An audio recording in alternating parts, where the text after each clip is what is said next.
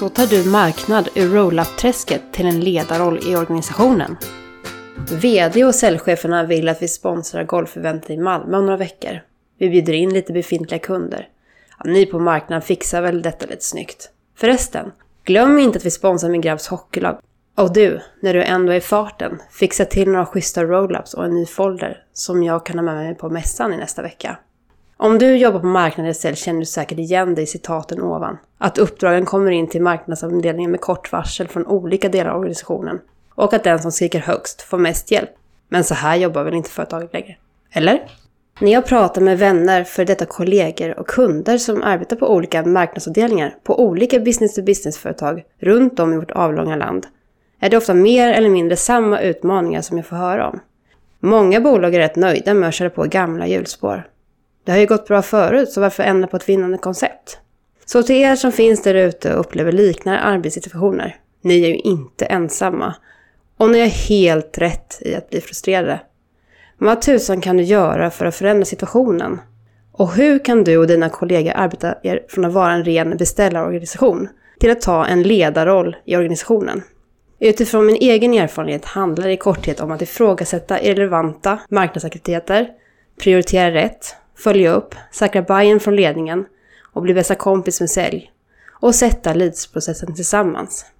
Fråga varför. För att lyckas skapa förändring måste du frigöra tid. Börja därför med att ifrågasätta de aktiviteter du och ditt företag gör idag. Fråga varför ni ska göra just det här eventet eller kampanjen och vad som är syftet. Ibland kan det personliga egot styra valet av en marknadsaktivitet mer än det verkliga syftet. Eftersom jag älskar fotboll ser jag gärna att vi sponsrar den lokala klubben. Utgå istället från ditt företags kärna och leta efter aktiviteter som stärker ditt varumärke. Ibland kan det vara helt rätt att sponsra det lokala fotbollslaget. Men det viktiga är att först ställa sig frågorna varför och vad är själva syftet med aktiviteten innan alla börjar springa efter bollen. Med en tajt dialog och en förståelse mellan ledning, sälj och marknad och en marknadsplan som är grundad i affärsplanen kommer färre av dessa utmaningar att uppstå. Prioritera effektivt. Att prioritera effektivt handlar om att välja och att välja bort. Det handlar också om att göra mesta möjliga av de aktiviteter du faktiskt väljer ut. Håller du till exempel ett webbinar ska du marknadsföra det före, under och efter. Skriv om webbinariet i nyhetsbrevet och på bloggen. Var aktiv under webbinariet och fånga upp de deltagare som ställer frågor. Spela in webbinariet och använd det som en leadsmagnet till nurturingflödet. Med en strategi får du ut maximalt av din aktivitet och den kan generera leads långt efter att själva eventet är över. KPIer, marknadsavdelningens bäste vän. Att utvärdera sin marknadsinsats är viktigt både för att visa på resultat och för att prioritera arbetet. Ger en aktivitet dåligt resultat i förhållande till en investerad tid och budget, våga lägg ner. En viktig del i utvärderingsarbetet är att mäta relevanta KPIer.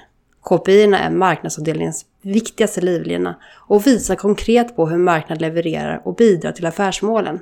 Kan marknaden visa upp bra KPI är det lättare att få buy-in från ledningen och möjliggör rollen som nyckelspelaren i organisationen istället för att vara en piskad stödfunktion. När ni sätter era kopior, dela gärna in dem i både mikro och makrokopior. Mikrokopior är till exempel öppningsfrekvens, klick, CTR, lästid på bloggposter. Makrokopiorna är till exempel försäljning, offertförfrågningar och antalet anmälningar till ett webbinar. Att välja relevanta kopior är viktigt. Läs gärna mer om fem viktiga kopior på vår blogg eh, i artikeln Hur mäter du din inbound marketing? Fem viktiga kopior. Sist men inte minst, synka planen och aktiviteterna med sälj. Det måste finnas en förståelse på ledningsnivå för att marknad och sälj är lika viktiga för företagets försäljning. Alla pratar idag om vikten om Sales and Marketing Alignment, det vill säga att sälj och marknad arbetar tillsammans mot gemensamma mål, vilket inte är så konstigt. Utan ett fungerande samarbete riskerar leads nämligen att falla mellan stolarna och företaget missar merförsäljning på befintliga kunder. Därför behöver marknad och sälj sätta sig ner vid bordet och diskutera sina inbördes roller och ansvarsfördelning i leadsprocessen. Det vill säga, när slutar marknads ansvar och när tar säljs ansvar vid? Att sätta en leadsprocess är inte en one-off utan kan ta sin tid, men det är okej okay att låta den göra det. Det viktiga är att marknad och sälj äger leadsprocessen gemensamt och fortsätter utveckla den tillsammans. Känner du att du behöver lite draghjälp? Då finns vi på Hägervall Sjöman nära till hands. Mejla gärna mig på anna.hägvallsjöman.se eller kom förbi på en kaffe så kan vi prata lite mer. Vårt kontor finns på Munkman 3 Gamla stan.